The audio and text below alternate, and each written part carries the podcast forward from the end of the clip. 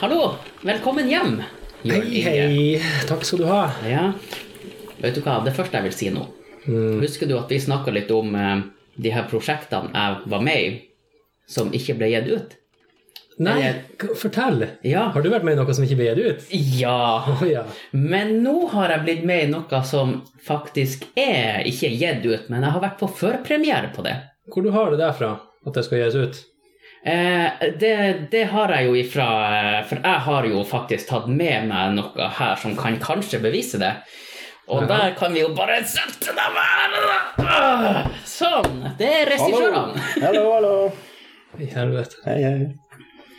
Velkommen. Mm, takk. Takk, takk. Det er dere som står bak eh, prosjektet Tullerusk. Det har nå for så vidt du har vært med i. Eh, Ja Og jeg så deg det- da jeg så Jeg så deg da jeg så deg. Spilte jeg fotball da? Da spilte du fotball. Kult. Mm. Det var den gangen jeg spilte fotball sist. En god innsats. Ja. Ja, hvordan eh, starta det her prosjektet? Har dere snakka om det før? Kanskje vi først skal finne ut hvem det er som er regissørene av det? Vi kan gjøre det, for at jeg ser dem jo. Ja. Ja, det gjør ikke dem som hører på. Hvem er dere? Ja. Ja. Jeg heter Håvard Valseth. Har holdt på med film på hobbybasis i lang tid. Hvor lang tid, egentlig? Det starta vel med at jeg laga kosedyr-TV Kosedyr-TV. til uh, søstera mi. Altså som teater, bare en sånn firkantig pappboks Nei, nei. skåret ut som en TV-skjerm. Nei, vi hadde. vi hadde VHS-kamera når jeg var liten, Ja, Det husker jeg. Ikke at du hadde, men vi hadde òg. Det var veldig stas. så det fikk jeg lov å leke meg med. Kult. Hvordan, hvordan foregikk de filmene?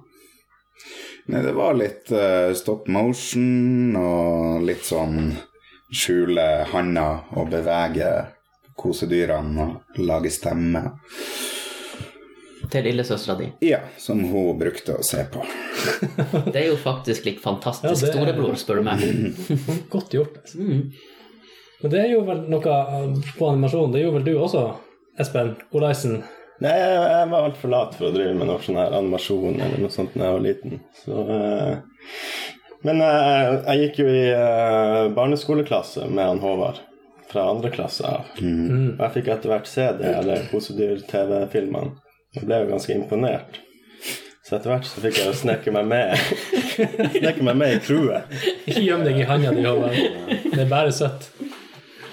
Så jeg var jo med på noen av de siste innspillingene.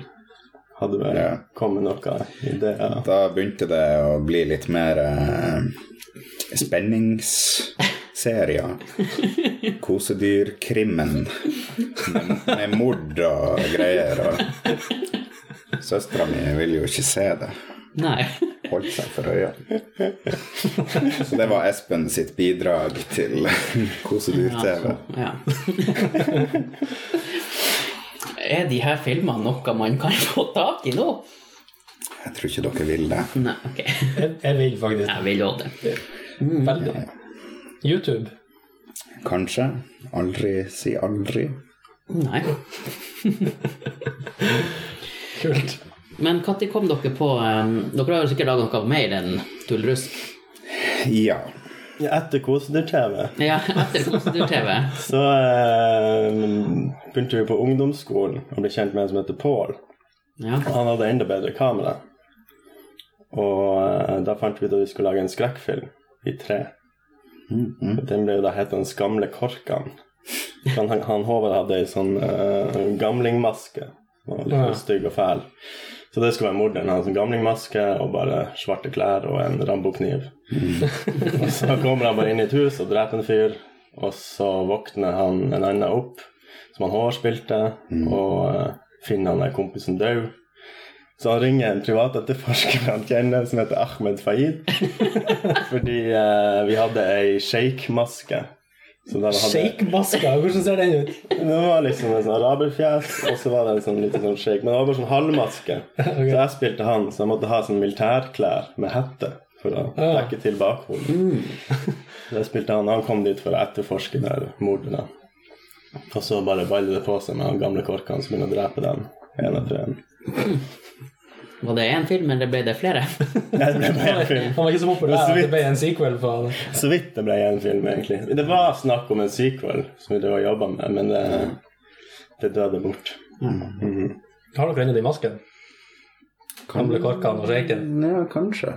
Kan se på loftet. Kanskje. Ja. Det var jo artig at dere kom hit. Jeg, han, eh, jeg har invitert han Espen flere ganger hit. Jeg måtte høre, høre mer på podkasten før jeg følte jeg kunne komme. Om det var noe som du kunne føle at du kunne stille deg bak kvalitetsmessig, og sånn er du er veldig bevisst på akkurat det der. Jeg vil bare skjønne konseptet mer, så jeg kunne levere, Kon, levere noe bra. konsept. Konsept, ja. Hvor, hvor du har, har, har du med konseptet? Jeg har ikke med konseptet. Jeg tror vi er fri for konsept. Mm. Ja, det var det jeg innså, så, så det var noe. Da tenkte jeg bare jeg får bare komme uansett. Det her er konsept. Ja, Kaffekopper. kaffe. Skål. Er det noe i, i denne kaffen? Dere ble i så godt humør. Nei, Vi har jo fått forslag om å ha noe i kaffen, og så kalle episoden for 'Takk for karsken'. Mm. Det har vi fått. En vakker dag. Egentlig så hadde jeg tenkt i dag å servere gløgg. Og introdusere årets juleepisode som 'Takk for gløggen'. Mm. Men jeg kom hjem rett før dere kom inn døra, så jeg rakk jo kjøpe gløgg. Så da, da slapp vi det. Ja, for du har vært på tur. Jeg har vært på sjøen, ja. Ja. I ukevis. Mm. Du nevnte Tullerusk-tittelen. Ja. Den eh, har jo vært gjennom mange stadier, sånn som jeg forstår det. Hva, er, hva var egentlig bakgrunnen til den filmen der, og hvordan har altså Prøv å gjøre det veldig kort. Hvordan har kort fortalt den uh, historien vært fram til nå? For dere var vel litt inne på om det skulle være en serie og sånn, gjorde dere ikke det? Mm. Ja, det startet jo med at vi hadde lagd en god del kortfilmer og litt sånn musikkvideoer og litt sånne ting uh, på midten av 2000-tallet. Og så begynte det å dukke opp en del eh, produksjoner rundt om i landet som var liksom spillefilmer gjort på nullbudsjett. Oh, ja. Det var flere folk som vi så starta og begynte å gjøre det. Og vi ble også inspirert til å prøve oss på det samme, så vi begynte å utvikle et manus som eh, I 2007 var det vel. Skrev dere det i lag, eller? Ja. Ja. Bare dere to, eller var det flere som Det var bare oss to, Ja. uheldigvis. Hvorfor er det, hvorfor er det uheldig? Nei, vi eh, kan av og til, når vi eh, skal finne på prosjekter, Har lyst til, når vi er sammen iallfall, Har lyst til å ta ting litt langt. ja. Så eh, det vi var veldig oppsatt på at den filmen skulle inneholde, var scener hvor folk, eh, de her hovedkarakterene, havna i situasjoner hvor de endte opp med å få bæsj på seg. For det er artig. Tiss og bæsj, Det er artig. artig. Det er jo artig. Spesielt på midten av 2000-tallet. ja. Ja. Da var det jævlig artig og gøy. Jeg holdt på å si, Seiler dere på den bæsjbølgen ennå? Nei, det vi fant ut var at alle syns det er artig å høre om, og sånn, med en gang de skal se det for seg i en film, og se det liksom Det er ingen som vil se det på film. Alle vil høre om det, men ingen vil se det. Alle vil høre om det, men når det var snakk om at vi skulle lage film om det, så bare Nei, nei, nei det, det, det, det går ikke. Det er ingen som vil se det. Du kan lage en animasjon, kanskje, men Det blir litt sånn som man jeg si, Alle syns det er kult med biljaktscener sånn på film, når bilen krasjer og tar fyr og sprenges, og alt sånt, men det er ikke så kult å komme først til et ulykkessted. Du vil liksom helst ikke se det på ordentlig. Nei. Det blir litt i samme, samme gata. Ja. Ja, ikke sant? Men det, um, det var jo flere som endte opp med å skrive manuset til Tullerusk. Ja, for det vi fant ut med den filmen, var jo at, at når jeg og Håvard er helt alene, så, så går det ikke så bra. Så vi tenkte at, eh, at vi skulle få med flere folk. Og da eh, satt vi på et kontor på andre sida av gata fra Tvibit, som, som heter Yoghurt på den tida. Yoghurt. Yoghurtkontoret. Og satt og så på et søknadsskjema til noe som heter Aktiv ungdom. Og det de da krevde, var at prosjektet var et demokratisk prosjekt. Det var, kunne være alt slags mulig slags ting, men vi hadde aldri hørt om, da om at det var noen sånne demokratiske filmprosjekter. Men vi tenkte jo kanskje det var lurt at vi bare fikk med oss masse folk. For det var det som det skranta på på de andre produksjonene, at vi gjorde det meste sjøl og endte opp med å bli overarbeida og ikke få fullført prosjektene, f.eks. Så vi søkte da som et 100% demokratisk filmprosjekt i den søknaden. Og så har vi da også bestemt oss for å at det skulle være på den måten, så kunne vi ikke levere noe manus med. Vi bare sa vi skal finne opp manuset la med dem vi får med oss. Så vi leverte en veldig kort søknad med lite info om hva det her kom til å bli. Men da hadde dere egentlig manuset liggende? Nei, det gamle manuset hadde vi forkasta. Oh, ja. Ja, nei, nei, nei, det, det, det, det ligger Jeg vet ikke om det er, Jeg har en kopi en plass, men jeg har ikke tort å lese det på flere år. Så uh, Nei, det ble noe nytt. det ble noe helt nytt. Det var det vi skjønte at det var det lure å gjøre. Hvor mye var med av det gamle, egentlig? Tok dere med karakterer og sånne her ting? Mm, nei. Uh, Det, det er litt bæsj med i tullerusk. Det klarte vi å knø inn. Ja.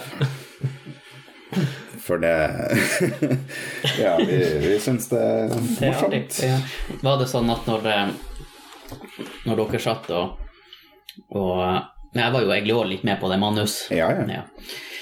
Så eh, Men jeg var ikke med på alle. Men var det sånn at dere satt og bare ja, ja, det er bra, men kan vi få inn litt bæsj her? Nei, jeg tror det ble skrevet inn i siste liten, de der eh, bæsj-scenene. Ja, det er jo den ene karakteren som jeg har lidd av koprofagi. Han Ulf. Arne Skog. Spilt av Arne Skog, eminente Arne Skog. Du må forklare for lytterne hva koprofagi er for noe. Ja, Håvard er god på den. Skal Kan du si han, Ja, jeg kan- Håvard har det? Han kan eh, Jeg kan terminologien. Eh, definisjonen er en person som har en sykelig trang til å ete avføring. Enkelt og greit. Ja. Ja. Hele greia er jo inspirert av For gjennom hele min oppvekst her i Tromsø så har jeg hørt om en som ble kalt Bæsj i flabb. Og det som var greia med det han, var at du fikk 200 kroner hvis du kom til han med en isboks med bæsj i.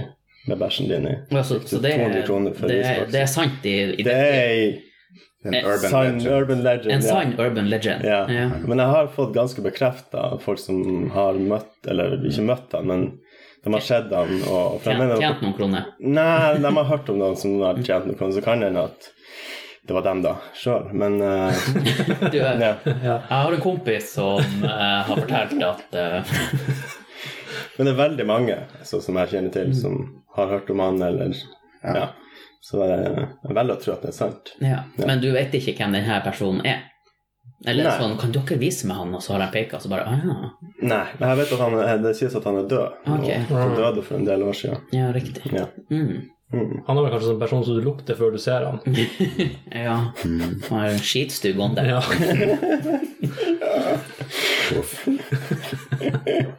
Ja, så det, sånn kom det til verden, da. Ja. Så det er inspirasjonen til det. Og det var jo en inspirasjon i den defekert-filmen vi skrev. Ja. Så det er kanskje eneste som har sklidd med videre. Men ellers er det meste kommet opp nytt. Og mye av det, mye av det drøyeste har ikke vi sjøl engang funnet på. Ja, på ja, på noen mannsmøter dukka det bare opp noen ideer som vi bare Ja!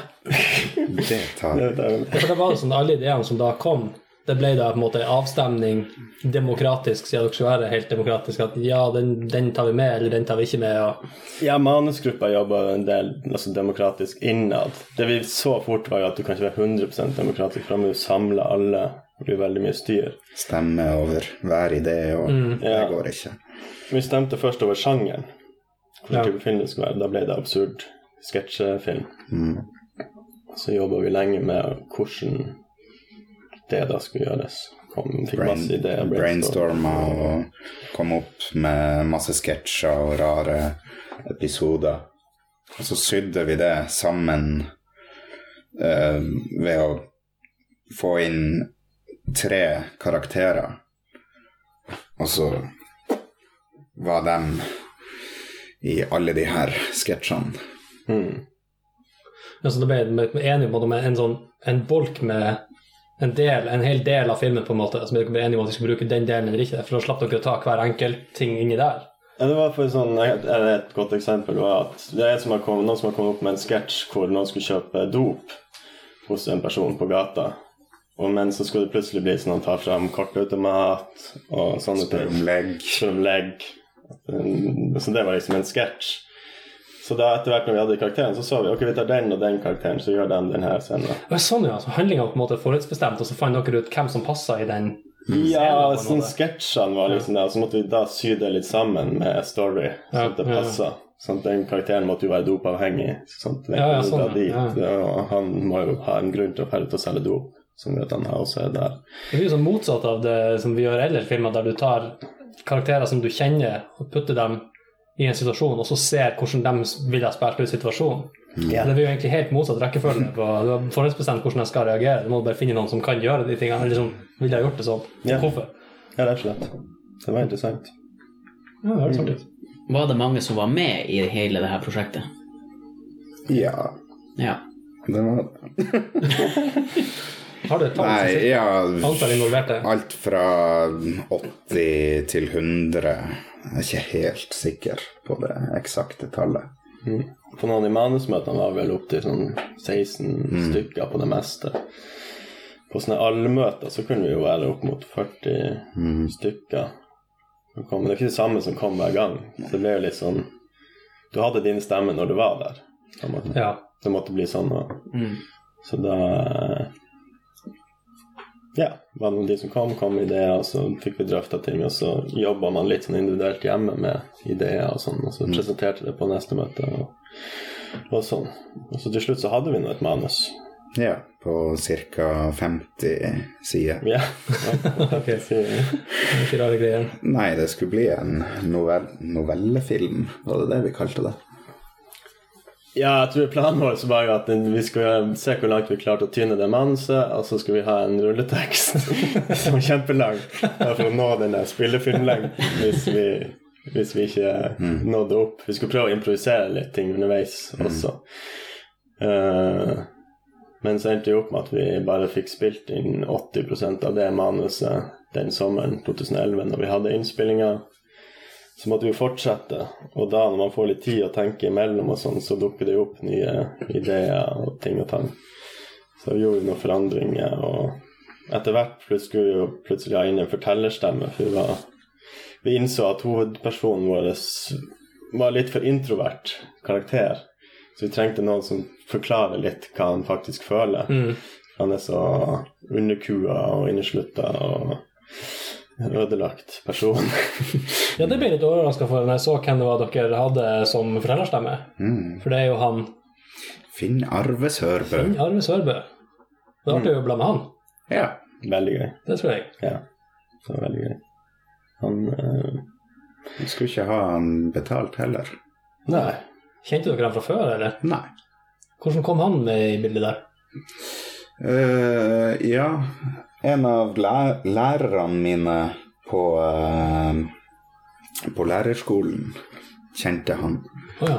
Og så fikk jeg mailadressen hans, og så drev jeg og plagde han med Come on, bli med, og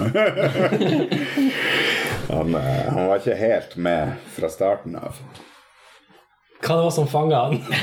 Nei uh... Var det dickpics?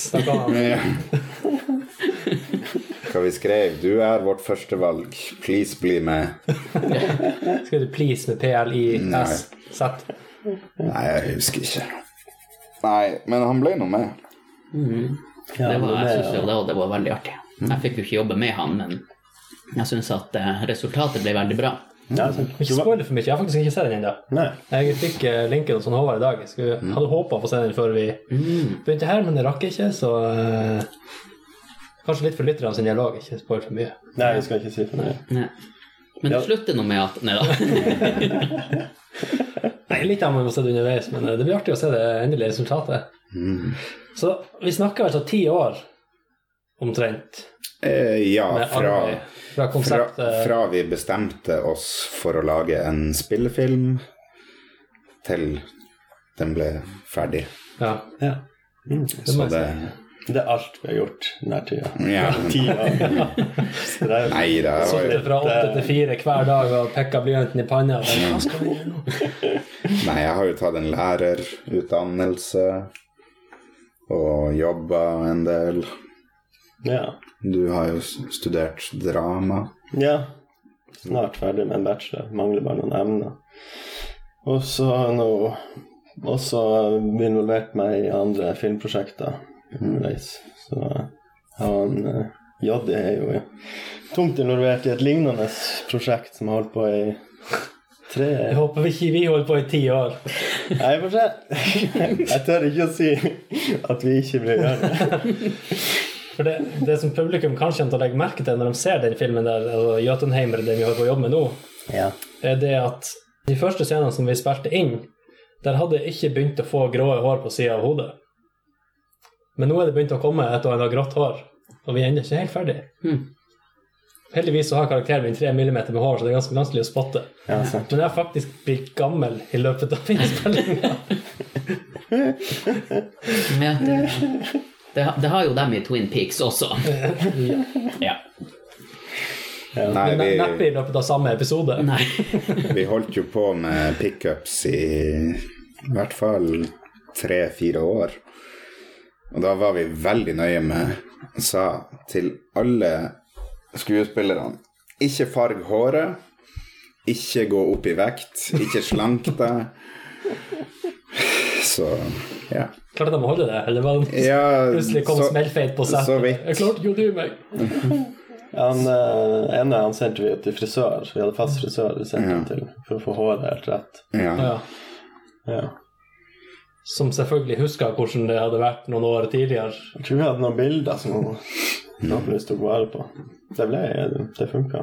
ja da. Jeg la ikke merke til noe. Nei. nei. Han er litt Altså, du merker jo, hvis du ser etter, at han Mats er litt eldre i enkelte scener. nei, nei, det la jeg heller ikke merke til. Hvis du følger veldig godt med, så er det jo scener hvor det er tydelig at det ikke er Mats som spiller. De, han har jo ikke sertifikatet, så det er jo en som er stand-in for han i bil. Jeg har vært hendene til Mats et par ganger. Ja, det har jeg òg. uh. Eh, ja, vi har juksa en del der vi kunne og har Men det er det som er så fint med film. Movie magic. Ja, ja. Det er veldig gøy.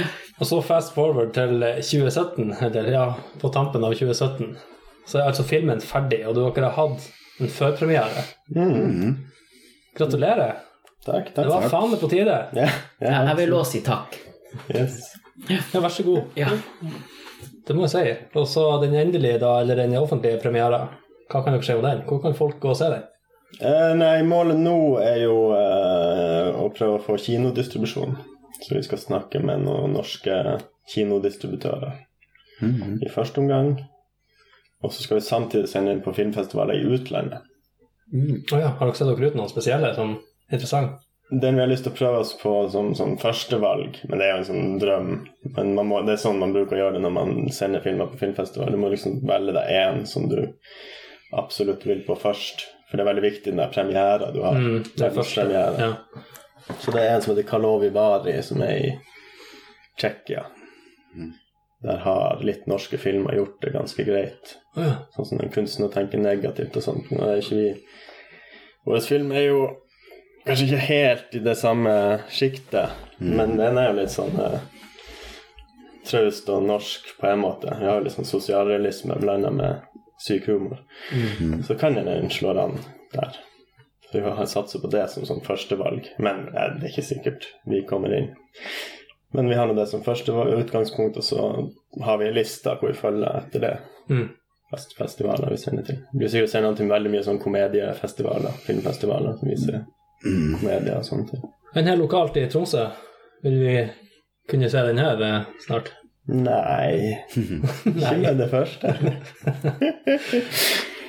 Nei, uh, TIFF vil jo ikke vise den, det kan vi jo si. Så uh, Er det en grunn, eller er det for at de var, det var fullt nå, så man kan prøve igjen? Eh, nei, de, de ga en veldig dårlig grunn. Hva de skrev Vi vet ikke hva vi skal gjøre med denne. Nei, nei, nei, hvis vi går, hvordan det, Det, det, er det er jo bare å si gjør som på Commandore, press play on tape.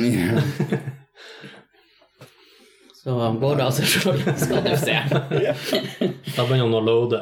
Ja. Ja. Nei, eh, Tiff er vel blitt for seriøs, sikkert. Det hadde vært artig å få den der. Ja, jeg får se. Jeg kan jo prøve å tilby den der neste år. Men Jeg skulle si det var litt seint nå. Hvert år. Ja, men det spørs nå. Da har den forhåpentligvis vært på kino allerede, så det er ikke så mye vits å være på filmfestival. Ja, de vil kanskje ikke ha sånn oppgulp. Nei, de vil jo gjerne ha ferskt. Det er Derfor vi tilbyr dem egentlig verdenspremiere. Måte, Å ha den første norgespremiere og alt. Nei. er. sånn det, det er noe ofte Det er jo også smak og behag har jo mye å si i utvelgelse av filmer og sånn. Sitter noen mennesker og velger. Men det er jo andre filmfestivaler i landet. Det er jo det. Det er det. Men hva vi fant ut nå, at du har vel egentlig for De fleste andre festivaler er liksom på andre halvdel av neste år.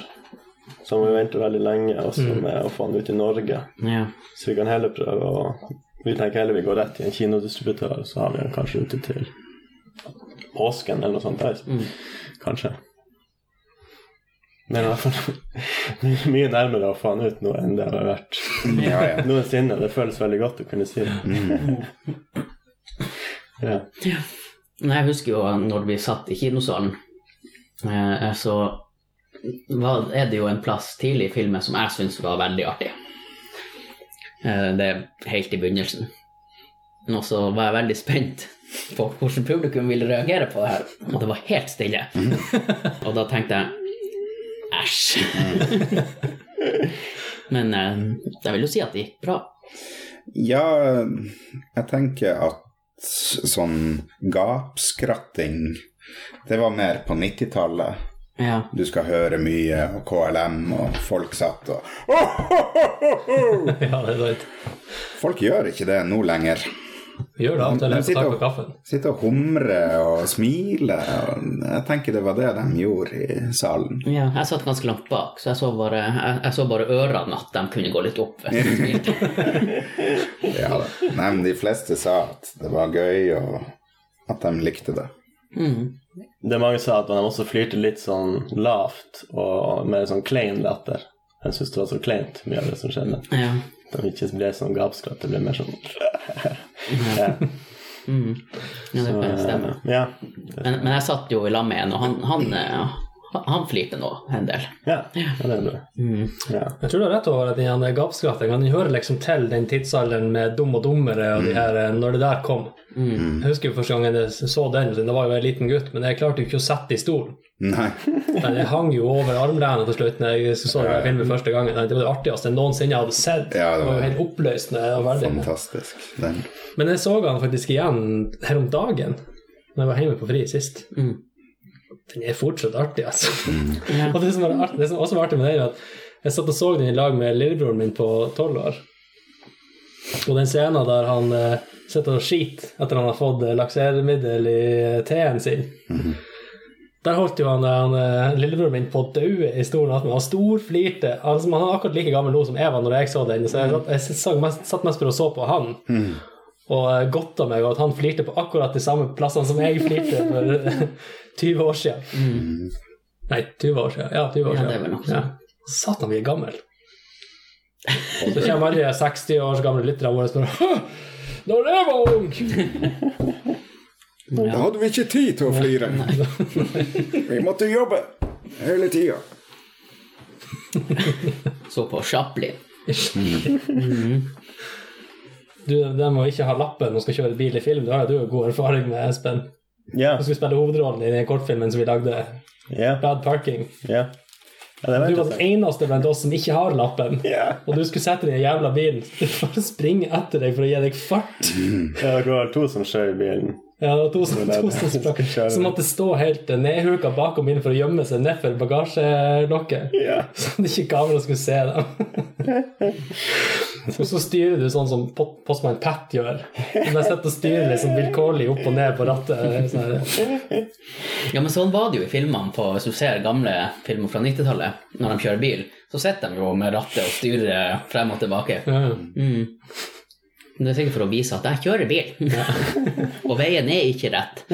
Så springer du forbi vindusruta med sånn ark med en skog på. Liksom. Ja.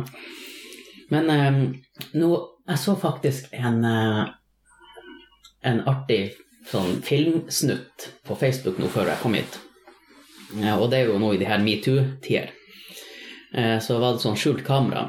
Så det satt en mann på kafé, og så kom det liksom noen damer og satte seg ved et bord litt lenger unna, og så satt han og spiste is.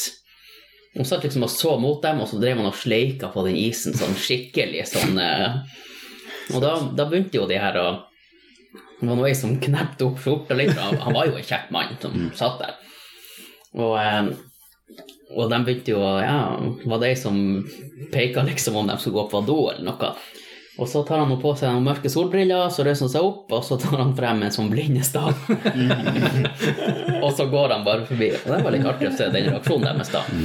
Så dem, altså de Jentene på en måte sin reaksjon var ekte, men han var Ja. den som kjørte sketsjen. ja. Så um, det er sikkert mange som liker å, å bli metoo-a. Sikkert at yes, nå har jeg mulighet til å hive meg Ja. på bølgen. Ja, ja. Fant fram telefonen og skrev på dass og skrive metoo. Ja. er, er det noe som dere opplevde i crewet? Det er jo veldig populært i filmbransjen. Ja, du var jo en av de som hadde sexscener i, i Ja. vår film. Jeg vet ikke hvordan det opplevdes. Så var vi der? Var det noe tafsing, eller Nei, Gikk det greit? det gikk veldig Du var greit. snill? De var, de var jo snille. Ja, Mm. det er bra. Ja. Mm. Det var vel en som var litt pågående, så det var jo en fyr. Men det var jo bare på gøy, så det var ikke noe av Orker ikke å metoo det. Nei. Nei. Men fikk du betalt? Em, i- hva Fikk du lønn for de scenene? Ikke Jeg fikk jo Altså, karakteren min fikk jo lønn. Ja. Ja. Daniel Iversen fikk ikke penger. Nei. Så da var det ikke prostitusjon. Det var jo ikke det. Så det er greit. Da er det jo greit. Ja. Mm. Ja. Så man kan ikke bli hooka inn der heller. Det kan- Og det, og det var jo ikke på ekte. Det er sant. Det kan vi avsløre. Ja, det var ikke på ekte. Ble dere skuffa? ble, så han Jørn Inge ble litt skuffa. Litt skuffa, ja. Mm. Ja, nei, så det var egentlig bare, bar overkropp. Mm. Mm. Ja. Hvordan er det de gjør det der i altså, i litt sånn større produksjoner? og sånn her, så Har de sånn hudfarga truse eller noe sånt de tar på seg akkurat på sånne scener? Og, Jeg har jo måttet gjort noen sånne scener i Jotunheimer nå. Og da Halvard gjorde vel at han eh, hadde jo en sokk og gaffa og teipa den vekk. Og den hudfarga sokk. Eh, Han vet at sokken er ikke tett.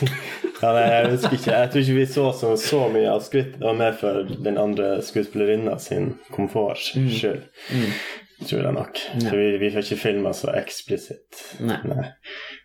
Ikke med han. ikke, det, ikke den scenen. Ikke den scenen. Vi har noen andre scener som er ganske Men da var skuespillerne med, var litt mer med på Eller de, de var De samtykka. De var samtykka og, Ja. og enn det. Og de fikk heller ikke lønn. Nei, de fikk heller Så ikke det var lønn, så det kan ikke, ikke tas for det. uh, vi har vært, jeg, jeg har vært opptatt av at det der skulle være veldig ordentlig. Så det har vært litt sånn Hva ordentlig, at det, at det ser ekte ut, eller at, det, at partene syns det er komfortabelt? Partene syns det er Mm. komfortabelt. Mm. Uh, men det er jo der folk ja, gått med på mye rart som jeg Mm. tenkte ville være vanskelig, veldig vanskelig å spørre om, men når man gjorde det på den måten, så bare syns de det var greit. Mm. Så jeg har ikke fått noen klager til nå, heldigvis. Nei. Da hadde jeg måttet Måtte jeg slutta i selskapet. Trekke meg tilbake. Ja. Dra til Frankrike på sånne sex rehabs. Så. sånn. Hadde jo kanskje vært fint. Du, du og han eh, Hva heter for noe? Han eh, Charlie Sheen. Ja. Men det var kanskje litt metoo på eh, Tullerusk. Ja. For du var jo sammen med ei som var rekvisitør da. ja, vi hadde en ting. Ja. Og eksen min hjalp jo òg til. Ja.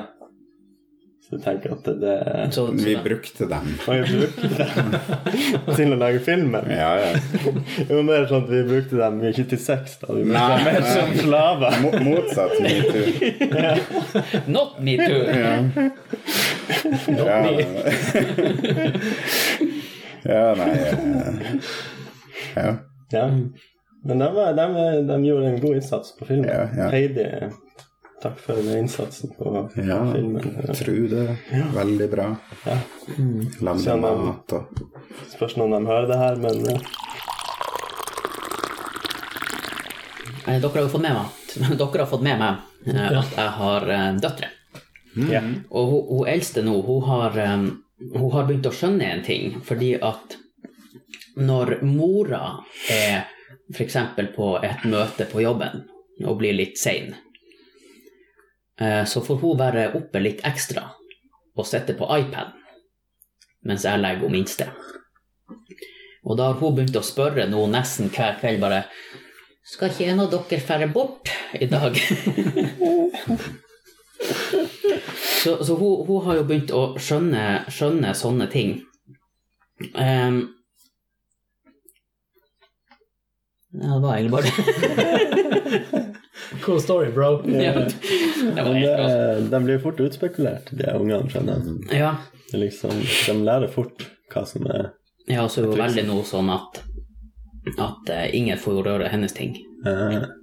Og det får jo søstera gå. Får, får jo tynn for det. Ja. Har dere småsøsken? Du har jo lillesøster. mm. Hvor, hvor gammel er hvor, hvor, Hva er aldersforskjellen? Nei, hva det var uh, Fire-fem år. Mm. Men du var ikke sånn eh, at hun ikke fikk røre dine ting? Uh, jo. Ja, akkurat. Fikk hun juling? Nei, hun er jo hokjønn, så Ja. da kan jeg ikke Ja, men, men det er jo søstera til hun Ja. her òg, og hun, det, det bryr hun seg ikke om. Brukte dere å Husker dere at dere lurte noen eller noe eh, når dere var små? Med Når dere var litt utspekulert sjøl når dere var små?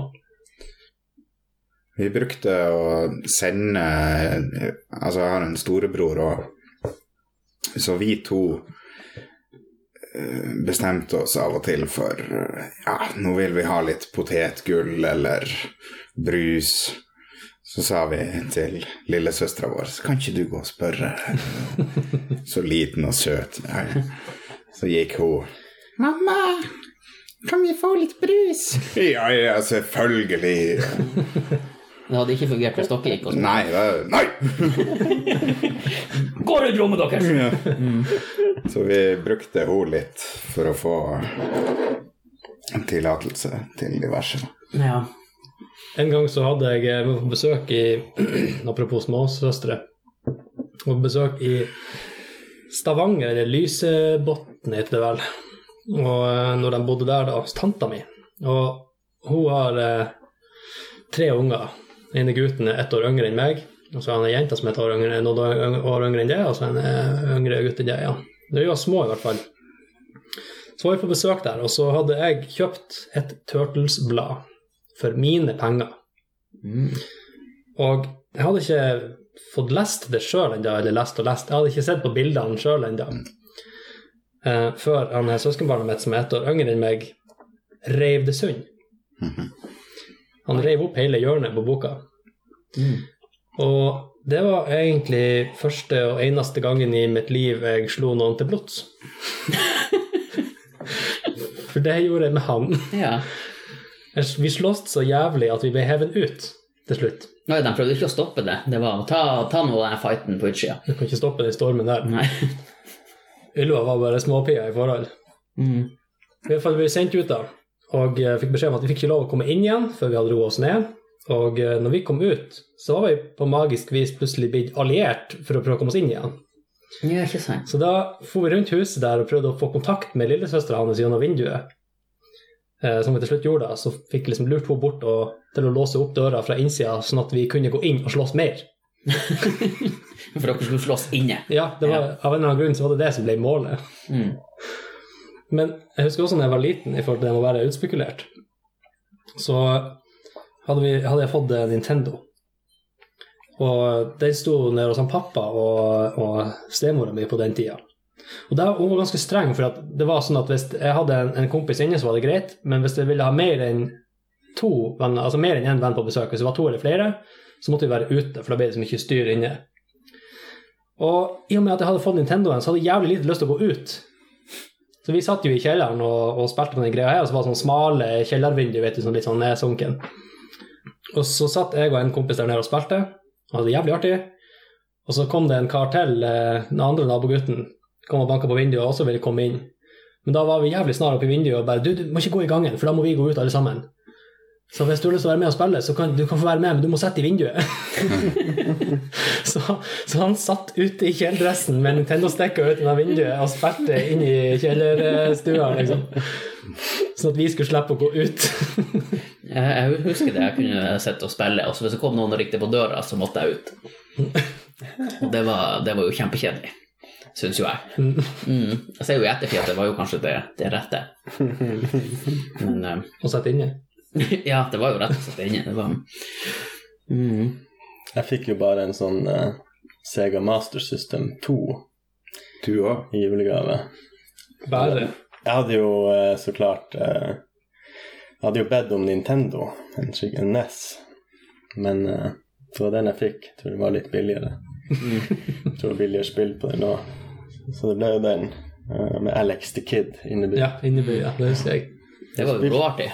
Det var jo artig, men Det eh, var jo så lett å dø i, i det spillet. det, Det var det jo i alle spill før. Ja, det er det som er alle spillene var ganske vanskelig. Men det var jo noe med det der å ikke ha Super Mario. ja. Etter hvert kom jo så klart ikke Super Mario Bros 3 plutselig, og så ville man spille det, men man har jo ikke mulighet. Så jeg endte opp med å bli en slags sånn Nintendo-nomade. Gå rundt i nabolaget og dro til besøk til alle som hadde Nintendo. Du var han som måtte sette i kjellervinduet ute og spille Ja, ja. ja, rett og slett. Jeg gjorde alt for å komme inn og folk og spille på, på Nintendoen deres. Jeg husker jeg hadde ei i klassen som hadde den der Segaen med han Alex the Kid. Og da brukte jeg å dra på besøk til henne. Og så, og så satte jeg meg ned og spilte mens hun gjorde noe annet. Ja, ja. Det var ikke noe annet grunn til å få besøk til jenter. Nei, det er jo ikke det. Jeg brukte å være med moderen på besøk hos eh, ei venninne. Hun hadde jo ei datter, og hun hadde en Super Nintendo med Super Mario Bros. World, tror jeg det var. Nei, det var Super Mario Bros. 3. Og jeg innser nå i dag at jeg satt jo sikkert bare der og spilte, og så prøvde hun å få kontakt med meg, men bare Jeg gikk jo gjennom, men jeg husker en gang så gikk jeg gjennom hele Super Mario Bros. 3 til slutt der, sikkert på sånn her tre-fire timer der. Jeg kan huske at hun, bare, hun var litt sånn til og fra. Hun skjønte jo sikkert hun ville leke eller et eller annet. Nei, nei, gå vekk. Men Super Mario Bros. 3 er jo jævlig bra, da. Det, det Det skjønner jeg godt. Ja, ja, jeg var veldig glad da jeg kom gjennom det. Det spilte jeg i forrige uke. På original Nes, eller Gjett hvor? hos Fredrik. Nei. Hjemme. Hvis jeg sier mat På burger. Satt du der og spilte gjennom hele greia? Nei, nei. Spilte bare litt. Ja, Ja, Burger er jo en sånn burgersjappa i Tromsø med veldig sånn her retro-gaming-stil over seg. I I ene hjørnet så har de en sånn gammel 14-tommer CRT-skjerm med en Nes eller Nintendo eh, oppkobla er gjestene som spiller på. Mm. Når, jeg- når jeg var der sist, så hadde jeg dritlyst til å også sitte og spille på den her mens jeg venta.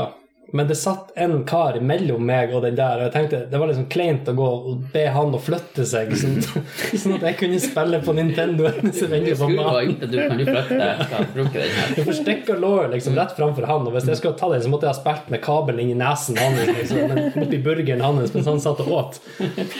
Så jeg tenkte kanskje det var litt gammelt å gjøre det. Jeg syns du skulle ha gjort det. Ja. Husker dere på, de, på lekebutikkene før? Ja. Ja. Så hadde de jo Du kunne spille Yes. og prøve spill og sånn. Det var en del av å være Nintendo-nomade. Det var Gå så dit. komme seg så oftest mulig på leketøysbutikk og spille. Ja. Hu- jeg husker godt når de hadde Super Mario 2. Det var, det var akkurat det kom ut, og det var- synes jeg var råartig. ja. Det var bra. Det, det, det er jo litt eh, Det blir jo litt spoiler-alert på den, men det, det, var, det er jo litt nedtur at eh, når du har gått gjennom spillet, så våkna han Mario. Mm. Så var det bare en drøm. Som skjedde, ja. ja. Ja. Ja, det er jo mitt problem. Jeg har som regel aldri spilt ferdig alle de her spillene. For jeg har ikke fått kunne gitt nok tid til å, å klare dem, for de var jo vanskelig, mange av de her. Du mener du har ikke kunnet ha Nintendoen stående på i dagevis Nei, ikke sant. mens du venter på å fullføre spillet? Ja. Ikke dra fra besøk bare Ja, ikke skru av den. Jeg har ikke spilt på den. Jeg, kan, jeg, kan, jeg kan komme om to dager Fortsett. Det var jo krise før du fikk den her Mm. Hvis foreldrene hadde vært idiot og skrudd av den greia mens du var borte. Ja. Så kommer du hjem og går rett i knestående med Nei! Jeg var nesten ferdig! Jeg husker en kompis som hadde en litt streng far.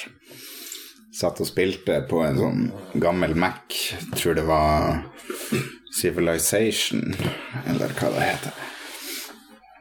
Og han satt der og spilte, og masse gutter på besøk som eh, satt rundt og så på. Jeg var der, og så kommer faren og banker på. Nå må du slå av! Du får fem minutter. Men han Han fortsatte. Det var jo så spennende å spille. Og så plutselig så ble det mørkt. Da hadde, da hadde faren tatt sikringa. Han bare 'Nei, jeg fikk jo ikke save'. Det var viktig å få save, husker jeg. Å, Jesus. Jeg har også sett de her eh, videoene om når, når eh, enkelte gutter har mista konsollen sin, og så blir de så forbanna. Har dere blitt sånn? Jeg kjente flere som kunne bli Jeg kan bli sånn fortsatt. Har du fått en Nintendo nå? Eh, jeg fikk meg en Super Nintendo til slutt. Men eh, det var, jeg fikk spilt en del Nintendo, for man kunne jo leie det også. Ja, Så jeg begynte å det leie stemmer, det kunne man gjøre. Utleie på videoverden og sånn. Det Og leie spill. Ducktails var veldig greit å leie, for det kunne du klare på ei helg. Ja.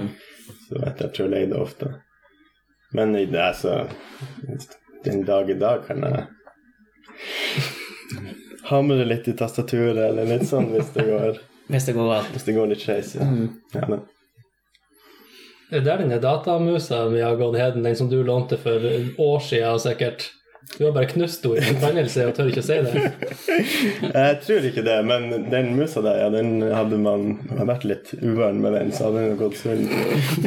ja. Påstår å si at det var dårlig kvalitet. Det var jo ei, ei enkel mus, men den funka bra. Du er enkel mus. Det. Men den, den hadde ikke tålt mye Derfor jeg bestandig hatt eh, Jeg husker jeg hadde gamemus, så var det en skikkelig sånn en kraftig kloss. Sånn, det var egentlig bra, for jeg tålte den litt. Sånn. Andre, Det er sikkert CS beregnet- eller det er beregna i det. Det er en del av testen for at Ja. den skal ut på markedet. Jeg tror de må, må beregne litt på det der. Ja, da har dere fått beskjed å, å komme på tre historier til eh, Du lyg. Og da kan jo han Håvard få lov til å gå først. Ja. Eh, I 2007 så bodde han Espen i Oslo. Stemmer ikke det? Ja, det stemmer. Ja. Og da dro jeg ned dit på en sånn skikkelig festetur. Og så eh, var vi ute på byen og greier, men eh, du forsvant. Og så traff jeg han eh, Omer Bhatti. Hmm. Og han eh, Jeg var jo stor Michael Jackson-fan, så vi klikka jo. Så ble jeg med på nach hos han i Holmlia. det er nummer én. Nummer to er at uh, på Døgnvill samme år, 2007, så jobba jeg og han Espen som uh, videojournalister. Og uh, vi hadde ingen plan for hva vi skulle gjøre. Uh, vi hadde et videokamera, og uh, vi visste at vi kom til å møte en del artister og kjendiser. Og det det endte med, det var at han eh, Espen filma. Og så var jeg reporter, og det eneste jeg sa når det ble uh, vår tur, var 'Kan jeg få en klem?' Så fikk jeg en klem, og så la vi det ut og rata hver klem med terningkast. Så jeg har klemt han eh, Kurt Nilsen, hun uh, Hva heter det? Ja. Uh, Knutsen og Ludvigsen. Uh, Mira Craig. Ja, ja. Masse klemmer. Nummer tre er fra i år. I desember har jeg vært senternisse på Pyramiden hver helg. Og delt ut uh, godteposer til ungene. Og sagt ho, ho, ho, god jul, og vært uh, Ja, vært en hyggelig nisse. Pyramiden er et kjøpesenter i Tromsø for de som ikke vet det. Ja, et amfisenter. Det er mine tre. Du, du vet selvfølgelig svaret på alle de her, Espen. gjør ikke det? Han er inhabil. Ja, Ja, den, jeg jeg, si noe. jeg skulle egentlig foreslå at du skulle være med og gjette, men du er jo med i de her historiene. Så. Ja, Du satt sikkert på fanget hans da han var nisse òg. men det blir det samme med min historie, så Ok, ok. kan Skal du gå først? Faen, det var vanskelig. Jeg tenkte det skulle være enkelt. Men eh, nummer to, det var den om, om eh, det med vi er journalist. Og jeg minnes jo, Espen, at du og han Kristoffer, som er produsenten på Jotunheimer, dere holdt på med noe sånn her, dere hadde lyst på noe sånn videoanmeldelsesprogram eller noe som dere drev og drodla med for noen år siden. Så jeg, jeg tror at uh, journalisten er i hvert fall inni deg en plass, at du kunne tenkt deg å holde på med noe sånt. Det kan være noe avart av det. Så jeg kjøper den historien, at dere, dere hadde allerede da begynt å eksperimentere med det. Mm. Men det kan jo være falskt det med klemmene, da, selvfølgelig. Hm. Nei, jeg- foreløpig er den grei. Da Omar Bhatti. Pff, Det kan jo godt ha skjedd. Men nissen er jo nissen. Det er vel ingen som har kledd seg ut til det? Det, ja, det, det er sant. Så av den enkle grunn så kan ikke du ha vært kjøpesenternisse. Så jeg går for nummer tre. Du går for nummer Du har ikke vært nisse på kjøpesenteret, for det har nissen vært sjøl. Ja. Uh, ja Den her uh, Heter han ikke Omer? Det er Omer, ja. Ja. Så derfor er den falsk. Neida. Eh, Omer Bhatti, eh, og du nevnte jo også Holmlia. Og da, han er jo faktisk derifra, for at min søster har gått på samme skole som han. Men har han bodd der helt siden det går, jeg, jeg tror egentlig det er Jeg tror det er sann. Den. Men nå er det jo også alle, alle de her store kommer jo fra Holmlia. Alt fra Oslo kommer jo fra Holmlia. De bytter vel snart bare navn fra Oslo til Holmlia. um, og eh, hva andre var det? var det med de klemmene, og den tredje var nisse på Amfipyramiden. Nå driver jo du på med litt standup. Og jeg vet jo han eh, Han som sitter på toppen av den der Lunheim standup-forening, han jobber vel på Amfipyramiden. Så Hmm. jeg tenker at du har kanskje gjort det som en tjeneste, eller du har kanskje fått betalt for det. Det vet jeg nå ikke, men at han har sikkert har spurt deg for at han har trengt det. Du kan jo selvfølgelig ha sagt nei. Så, men ja Jeg, jeg tror kanskje at Men du er jo typen til å bare si 'kan jeg få klem'? Men om det var det eneste Nei, jeg, jeg går for at nummer to, den med klemmene, er løgn. Yes! Vant du? Jeg vant. Ah, Omerbatti er løgn. Men da må du ikke nevne Holmlia. Jeg vet jo litt. Ja. Hvor, den, hvor det kom fra? For Tok du det ut av løs lufta, eller kjenner du noen som hadde vært der? jeg har dratt den eh, bløffen før. Aha, det er innøvd løgn. Altså. ja. Mm, Forandra du på den nå? Jeg tenkte liksom bare ja, nei, så kom nå Michael Jackson, han var nå der. Men han, han eh, Nei eh, jeg kom på at han bor på Holmlia. Det var kanskje det som gjorde utslaget. Det var nok for han. Det var alt han trengte. Holmlia, det må være sant! Ja, det er alt, alltid for Holmlia, sant? Så jeg har vært senternisse, ja da. Det var veldig hyggelig. Og eh, jeg har gitt klem til Marit Larsen, Kurt Nilsen, Knutsen og Ludvigsen, Mira Craig Hvem flere var det? Timbuktu. Timbuktu, ja.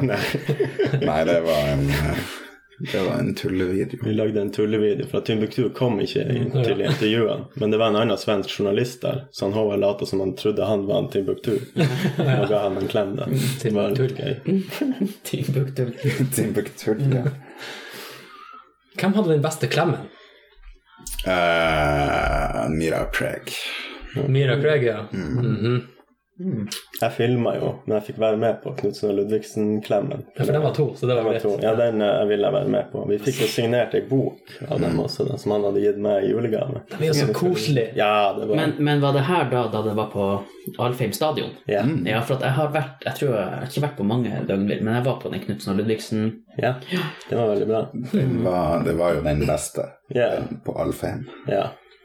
Vi så dem jo på Rockefeller eh, et år tidligere. Ja. De hadde som første reunion-konsert. Det var, Men- det var magisk. Jeg har en eh, Apropos Timbuktu. Eh, Så var det Jeg vet ikke om det her er sant, men det var noe fra Jeg vet ikke om det var fra Ja, det var fra utlandet, for det er noe engelsktalende. Så var det liksom en konkurranse på et radioprogram, og de skulle De skulle mm, ha et dikt. De skulle bare framføre hvert sitt dikt sånn spontant. Det eneste som skulle være med, det var eh, Timbuktu I diktet. i diktet, ja. Mm. Og da sa han første Through the blistering sand uh, rode a long caravan Side by side, two by two Destination Timbuktu Og så var det da en eh, sånn en, en bonde da Som bare Me and Tim to Brisbane went And met some hookers in a tent But they were three, and we were two, so I booked one, and Tim booked two. Og så var det han Espen sin tur. Det er min tur, ja. Yes! ja. Hva du har Jeg har tre historier som er tematisk bundet sammen. Oh, Som er traumatisk bundet sammen. Og traumatisk bundet sammen, faktisk. Du er inne på noe der. Ah, ok. Jeg tror ikke du skjønner temaet. Skal vi sette oss ned, kanskje? Det er lurt å sitte litt okay. ned, ja. ja. Skal jeg bare begynne? Jeg er klar. Men du er klar? Er du klar, Daniel? Mhm. Vi er klar. Ja.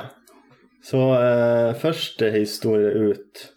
um, det her var på tidlig 90-tallet en gang. Jeg var vel i tredje eller sånn klasse, trinn cirka.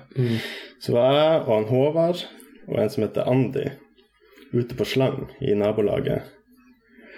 Um, og vi hadde en eh, god slangrunde, fant masse jordbær og forskjellige ting. Eh, det var kjempebra. Og så var vi egentlig bare på tur hjem, hadde gitt, gitt oss for dagen.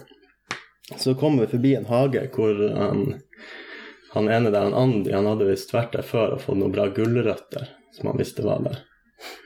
Eh, han var òg litt sånn eh, litt sånn sjefen i gjengen, så han beordra meg og Håvard til å gå inn der og, og ta gulrøtter mens han holdt vakt. Litt lenger opp i bakken var han til og med også. Så eh, vi sto ned i det gulrotbedet og gravde, og så kommer det plutselig to menn, voksne menn, ut fra det huset vi var eh, i hagen til, og naboen kom også springende til. Og da ga jo han oss en beskjed, men da var han enda lenger oppe i bakken, han som holdt vakt.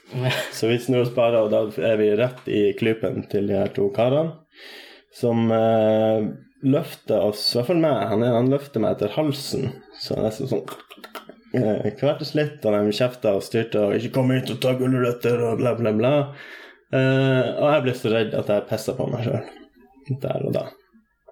Og så var det bare å ble vi sendt av gårde og ja, lunta vekk. Buksa full av piss. ja. Så det var første historie. Andre historie, den foregikk på ja, være midten av 2000-tallet en gang. Var på fest i Tromsdalen hos en som heter Jon Roger. Han hadde noe, tror jeg, som bursdagsfest eller noe sånt han hadde. Det var en artig fest, mye kjentfolk. Uh, man hørte mye på rock'n'roll i den der tida, så det var den der The Hives og sånn garasjerock og litt sånn. Uh, og det var en av der, der som ble veldig full. Han ble så full at han bare satt i en stol i stua mens alle bare var ganske livlige rundt ham. Han satt liksom bare der helt død. Inntil han plutselig begynte å spy rundt seg. og da eh, evakuerte jo alle stua. Men jeg tenkte jeg skulle være snill og hjelpe til og tørke det spyet. Så jeg satt nå rundt der stolen der, og han satt jo bare liksom helt borte vekk der videre. Og eh, begynte å tørke opp det spyet og begynte å brekke meg, for at det lukter jo helt jævlig. Så jeg vaska liksom bort det meste og begynte å nærme meg. liksom, Jeg måtte liksom nært han for å begynne. å så jeg satt og skrubba og spy, og så plutselig hører jeg liksom Og så våkner han til live igjen, og så spyr han da nedover seg sjøl. Og da var liksom mine Jeg hadde ikke klart ikke å holde meg mer den. Jeg hadde skulpa meg gjennom all den vaskinga. Så det ender jo på at jeg også spyr, og spyr bare rett utover meg sjøl. Og da var vi to idioter som satt på den festen. Og... Men jeg var ikke så full som han, så ja. Og så tredje historie. Da var det på ungdomsskolen. Vi var på en sånn tur til Finnvikdal. Jeg tror faktisk det var så det var på slutten av det som i nå er åttende klasse, men som var sjuende klasse da. Um, og vi hadde hatt sånn grilling, og jeg hadde tatt med meg noen sånn ostepølse. Den var ganske ny da. Sånn ost i midten. Jeg spiste en del av dem, og så ble jeg ganske dårlig i magen, så jeg gikk i teltet og la meg. Og det var ikke noe sånn utedo eller noe sånt der, så man måtte jo litt ut i skauen for å komme seg på do. Så når jeg våkna, så buldra det i magen, og jeg måtte skite. Jeg springer ut av teltet, og så ser jeg liksom, jeg må springe langt hvis jeg skal komme under, for jeg var sjenert. Jeg ville ikke stå og skite hvor som helst. Jeg sprang og fikk toalettrullen hos læreren. Og så skulle jeg begynne å springe ut i skauen for å komme lengst mulig unna. Men jeg så liksom hele tida folk, og jeg kom ikke meg langt nok til at jeg følte at jeg kunne skite, så da eksploderte alt ut i buksa mi. så jeg måtte jo lunte tilbake og rope på lærerinna, som kom til meg og lurte på hva det var. Jeg måtte jo si at jeg skjettet meg ut. Og hun bare 'Ja, du kan vaske det her i elva'. Så jeg begynner å kle av meg foran lærerinna mi og vaske meg der og da. Og så får hun ringt faderen, og så blir jeg henta opp der. Og så dro jeg hjem og fikk skifta og dusja. Så dro jeg faktisk tilbake igjen. For jeg tenkte hvis, jeg må være, hvis noen får, får vite om det her, så må jeg liksom være litt tøff. Så jeg får komme tilbake og bare dreit i det. Men de fleste, no pun intended, eller? Ja, ja, ja. Men de fleste fikk ikke med seg så mye av det, så det gikk egentlig greit. Så jeg kom tilbake og bare skjøv den historien litt under bordet. Mm. Så det var litt flaut der og da. Men nå går det jo greit. Ja, nå er det artig. Ja, det, nå er det artig. så det er de tre historiene jeg har. Og hva er den tematiske bindinga her? Det er jo Ting fra magen. ja. Vi var inne på det defekerte eh, filmene våre. Ah, ja. ja. Du må skjønne hvor det kommer fra. Ja. Dramatiske opplevelser ja, barndommen. Lever ut i filmen. Nå kan jeg gå først, da. Ja. ja, vi har jo alle vært på slang. Og eh, man har vel aldri blitt tatt. Så det er jo ikke helt uh, usannsynlig. Um, og så var det der med spyinga i søkk og kav. og den skitinga i søkk og kav. Ja, um, jeg tror jeg blir å gå for den her spyinga. Jeg tror at du var og tørka spy, og at han spydde. Men jeg tror ikke at du begynte å spy også. Hmm. Det går jeg for. Hmm. Jeg tenker bare på den spyepisoden din. Jeg tenker bare på den episoden av eh, Family Guy da alle spyr sin helvete. Jeg ser for meg noe sånt der. Men uh, jeg er egentlig litt enig med deg, Daniel, den som skurrer mest Egentlig. Jeg går for nummer to, jeg også. Jeg, jeg kjøper de en og tre, altså. Da er svaret avgitt. Ja. Yes. Ja, bra. Det var rett. Var det rett? Det er rett. Yes. Det var den eh, Og som du sa, det var sant alt opp til at jeg spydde. Mm. Bare vaska opp etter hvert. ja. Men spydde han på en måte på deg òg? Nei. Ja. Nei, nei. nei, han hadde bare satt i den stolen og spydd rundt seg. Så jeg måtte, bare, jeg måtte jo ha 80% sannhet. En god løgn har jo Ja, ja, 80 ja, ja. sannhet. ja. Så, Ikke sant. men det var ikke Jeg tror ikke det var, det var kanskje for lite prosent. Ja, det er bra. Da vant vi da vant- ikke begge gjestene. Ja. Nei. Mm, det var Det er ikke så ofte vi vinner det her. Nei, det er jo Nei, dere, ikke det. jeg har jo jeg har hørt på de her eh, litt sånn maraton i det siste for å høre meg opp på Mm. podkasten. Jeg tror dere har ikke Vi er ikke så god vinnerprosent. vi, vi må ikke slutte dayjobben, for å si det sånn. Nei. Mm, Vi skal ikke få jobb hos noe CIA som noen løgndetektor enda. nei. Men det er jo vanskelig når du har sånne storløgnere som han uh, Morten. Han tror det sikkert sjøl òg. Det er sikkert løgn, alt det han Det er bare noen av de løgnene tror han på sjøl. Jeg vet ikke om jeg enda tror på den der dverghistorien. Dverghistorie. historien. Bare Jeg Morten føler ikke sånn som den er fortalt. Nei, altså, at han tok fyr og Nei, vet du hva. Det er bare han som vet. Jeg ble snurt i dag. Men bortimot krenka. Oi, oi. Ja. For eh, vi var på bytur. Eh, Og da betalte vi jo med busskort. Var med jobben, så vi hadde med oss tre unger. Og så, eh, på vei tilbake, Så hadde du bare to unger. så hadde jeg bare to unger, og det syns ikke jeg noe om. Da ble det billig. Ja, nei, eh, for dem, dem gikk jo gratis på, for de var under fire år. Men det var liksom to minutter etter at eh, overgangen var gått ut. Mm. Så jeg prøvde meg jo på den. Og, og, og istedenfor at uh, bussjåføren bare sier nei, beklager, den her uh, er gått ut, eller ja, det er nå greit, to minutter det er nå ikke så mye. Så tok han liksom bare at du, se her, og så peker han på det her eh, skjermen sin, og, og der står det jo at da var klokka 11.01, og vi hadde til 10.59. Så han bare Ser du hvor klokka er? Jeg bare Ja. Og så pekte han på klokkesletten der at det var to minutter, så bare Ja, men det er jo to minutter. Men så sa han jo ikke noe så jeg bare drog frem det kortet at bare to voksne og tre barn under fire år. Ja, men de kommer gratis. Og det var jo ikke jeg som betalte billetten heller, det var jo Tromsø kommune. så, men, jeg ble, men jeg ble litt snurt. Ja. Men det var jo ikke vits, det var jo ikke jeg som betalte for den. Og jeg, jeg skjønner han jo. Du ble snurt på Tromsø kommunes vegne. Altså. Ja. Så, så jeg prøvde nå i hvert fall å spare dere for 59 kroner. Takk skal du ha. Ja. Det var Men, valiant eh, gjort. ja. Men eh, jeg tok meg jo det etterpå at det var jo ikke vits. Har dere blitt krenka i dag? Krenka? ja. Nei, men jeg har fått kjeft på bussen en I, I dag? i det siste. Ja. Blant annet der for å ikke ha fått den billetten opp før du går om bord i bussen. Å ja, den på var det en som bare begynte å kjefte meg ut fremst der i bussen for at jeg ikke hadde Så at du måtte stå litt der og bare vente på den. Så det som skjedde med meg Så det som skjedde med meg, var at jeg skulle ta den der bussen gikk- Eller det som skjedde med meg Nå husker jeg. Som egentlig skjedde med deg. Det som hadde skjedd med meg, var at jeg skulle prøve den der appen. Og så Første gang. Så jeg slår inn en billett, og så står jeg og venter på en buss som aldri kommer. Det kom ikke. Og så var det ikke noen måte å avbryte den billetten på, eller noe sånt. Og jeg gidder ikke stå og vente på neste buss, for det er jo en halvtime. Mm. Kan like godt gå. Så derfor, etter det, så tok jeg bestandig bare kjøpte billetten idet jeg gikk om bord i bussen, Ja. i tilfelle det her skulle skje om igjen. Mm. Og så begynte han å kjefte på meg for det her. Men da frøys jeg til. Egentlig, Jeg tenkte jo etterpå når jeg satt baki der, alt jeg skulle ha sagt. Ja, men det, det, det, er klassisk. Mm. Men jeg gjorde ikke noe. Jeg bare ja, ok, og gikk liksom bak i bussen.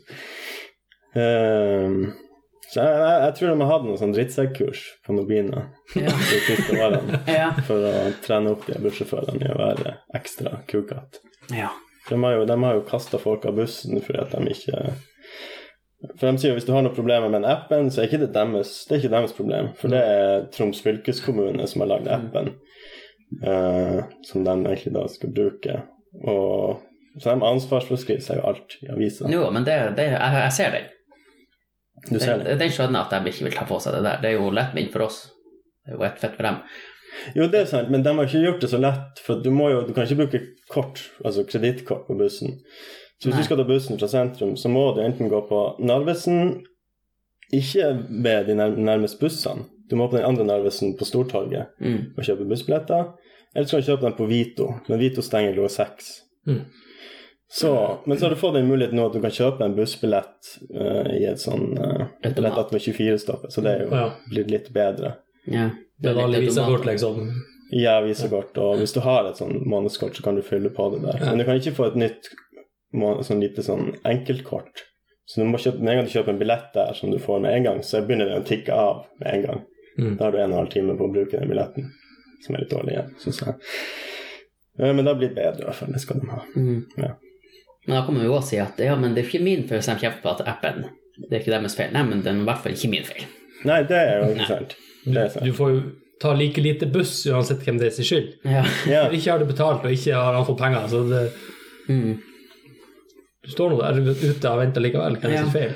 Men det blir litt sånn eh, For av og til hos oss så, så har jo vi et vaskefirma som er å vaske hos oss. Og det er jo ikke hver gang det er like bra. Mm. Men det er jo vi som får at ja, det er litt skjettent her. Men ja, det, Ja. det er jo ikke mitt problem. Det er, det, det er jo det som er din jobb å fikse. Altså, dem, Ja. det er jo derfor vi, har, derfor vi leier det er derfor dere leier dem. Det er jo fordi at det er skjettent der. ja. Så det er jo ikke noe vi kan ta på oss. Det har jo ikke vi noe med. Nei, Nei. men det er jo det er jo litt som å si Jeg leier Ok, et veldig ekstremt eksempel, men Jo, men jeg leier en person til å drepe noen. Ja. Og så kommer dem som eh, familien til den som ble drept, til meg og sier at han ble drept. Og så sier han ja, men er, jeg leide jo bare en som drepte han. Det er jo hans skyld at han døde. Ikke det litt den samme? Ja, det er ikke helt, da har jo du det, jeg, jeg, vet, jeg vet ikke. Altså, det er jo sikkert litt av min skit òg i den der barnehagen. Det er jo sant. Ja, Ja. men uh, jeg, jeg, jeg, skjønner det hvis de hadde bedt deg om å ringe en som kunne ta livet av han karen, og så hadde han ikke blitt tatt livet av, så bare, ja, men det er jo ikke mitt problem. Jeg var bare leid. ja, sant. Ja, Ja, den ser ja. Ja. Jeg liker sånne sammenligninger. ja. Som er Ta, helt ta det litt i det ekstreme, for Ja. å se ting i litt sånn videre perspektiv. Ja. Jeg, jeg drev og lette etter en overgang nå for å få dette her til å bli en slags juleepisode, og jeg skjønner at den overgangen aldri kommer.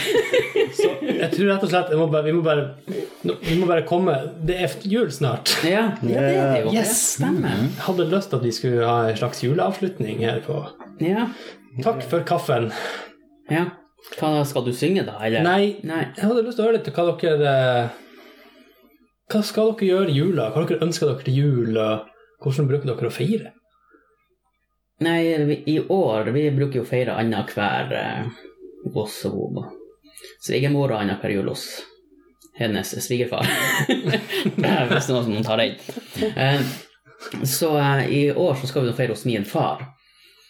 Og da eh, Man sitter vel egentlig bare og venter på middagen, og så når middagen har vært, så sitter man og venter på pakkeåpninga. Men med to små barn så må man begynne litt tidlig. Ja, da må du vente på at de skal vente seg ferdig, for de er så inn i helvete aktive når de venter, de ungene. Ja. Så vi gjør ikke så mye ut av oss, egentlig. Men bruker du, gjør du sånn som foreldrene gjerne gjorde, at ja, vi kan åpne snart, vi skal bare ta en kopp kaffe først, og sånn her. Nei, vel, Det husker jeg jeg hata da jeg var liten. Ja, men det jævla, at alt de bare skal Jævla Albert Aaberg. Alle foreldre blir Albert Aaberg når det er julaften. Ja, Ja, ja. ja og så- og så så- var det jo litt sånn eh, at ja, skal vi opp nå? Nei, vi skal nå spise middag først. Å, herre fred. Og så er middagen ferdig, og så bare ja, nå skal vi nå på, på kirkegården. Å, det var dritlangt. Så måtte man vente og vente og vente. Men du kan skjønne for meg en liten unge våkner, jeg brukte å våkne klokka fire på, på morgenen. Eh, og vi åpna jo ikke pakkene før seks på kvelden, så det var jo 14 timer å vente. Eh, og så fikk du åpne én pakke på morgenen. Ja. Og da måtte du vel være strategisk og velge noe som du kunne holde på med. Men Så du visste vel ikke hva du fikk i gave, nei, gjorde du så det? Et par lester som var pakka inn i noe hardt. Det var en nedtur. Det. Mm. Jeg brukte å krangle meg til den der ene gaven Ja. på morgenen. Ja. Og hver jul så håper du at det var Nintendoen som, som låt der. Ja, nei, ja. Nei, det Får Ja, jeg skjønner- jeg skjønner. får dere sånn strømpe? Det vet jeg ikke nå i år. Kanskje. Mm. Det må jo det. nissen vite. Ja. Hva nissen har å Jeg, jeg det? fikk det i fjor. Søstera mi ordna. Hun Med var masse teddybjørnfilmer og sånn. hjemme på Hun var hjemme på besøk, så på morgenen jeg skal gå ut av leiligheten min, så henger det noe på døra. Og det var en strømpe full av godteri. Ble du litt rørt, da? Da ble jeg glad. Gikk du rett inn igjen og spiste godteri? Ja. Skite denne dagen, inn igjen. Jeg, husker også eh, med de her mat skulle åpne på, så, så skjønner jeg ikke hvorfor de ikke sa 'åpne den her'. For at jeg fikk jo en Commandore 64. Ja. Ja. Så kunne jeg jo fått den. Og så kunne jeg hadde jo vært opptatt. Sikkert når jeg hadde sikkert ikke giddet å åpne flere pakker. Nei. Men det var sikkert derfor jeg ikke fikk lov å åpne den først. Det, var vel en, en av storgavene. Ja. De vil vel se ansiktet ditt og sånn når man får den. Jeg fikk òg en eh, Commodore 64. Ja. Da fikk jeg et sånt skattekart jeg måtte følge oh, ja. ned i kjelleren, og sånn, så fant jeg den ned i kjelleren. Ble du en lykkelig gutt, da? Da ble jeg veldig lykkelig. Jeg har hatt mange bra timer med den Commodore 64. Men det var jo egentlig det var jo en brukt eh, kjøpt av søskenbarnet mitt. som han hadde med. Men det var jo masse piratkopierte spill med. Ja, Ja, det Altså hadde spill at ja, Mm. eh, På kassett. På kassett, ja. Ja, press Ja, det var- play on tape. Det var en av de bedre julegavene jeg fikk. Mm. Jeg og uh, Turtles-fly. Eller de har sånn luftskip med sånn boksehansker. Ja. Det husker jeg var veldig stor hit. Mm. Har du enda Commodore? Nei.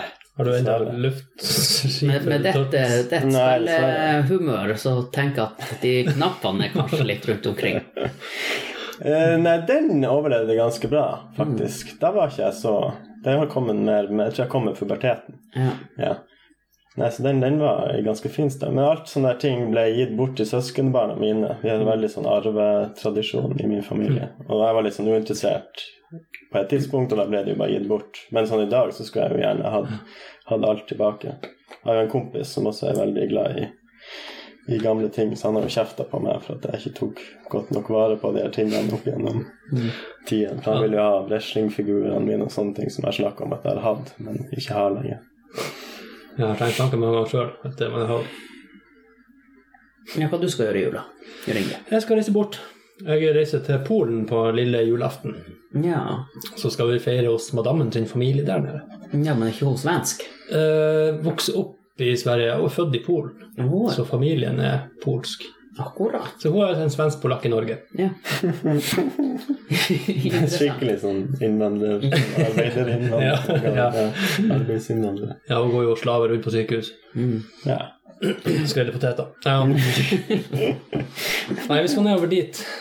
Så eh, det blir interessant, tenker jeg. Vi, eh, jeg, jeg, jeg har blitt forespeila at vi skal være sånn der 16 stykker eller noe sånt på, på denne julefesten. Så jeg, spurte om, om de hadde leid noe sånt bygdehus eller et eller annet der vi skal være så mange. Men vi skal være hos den ene tanta hennes.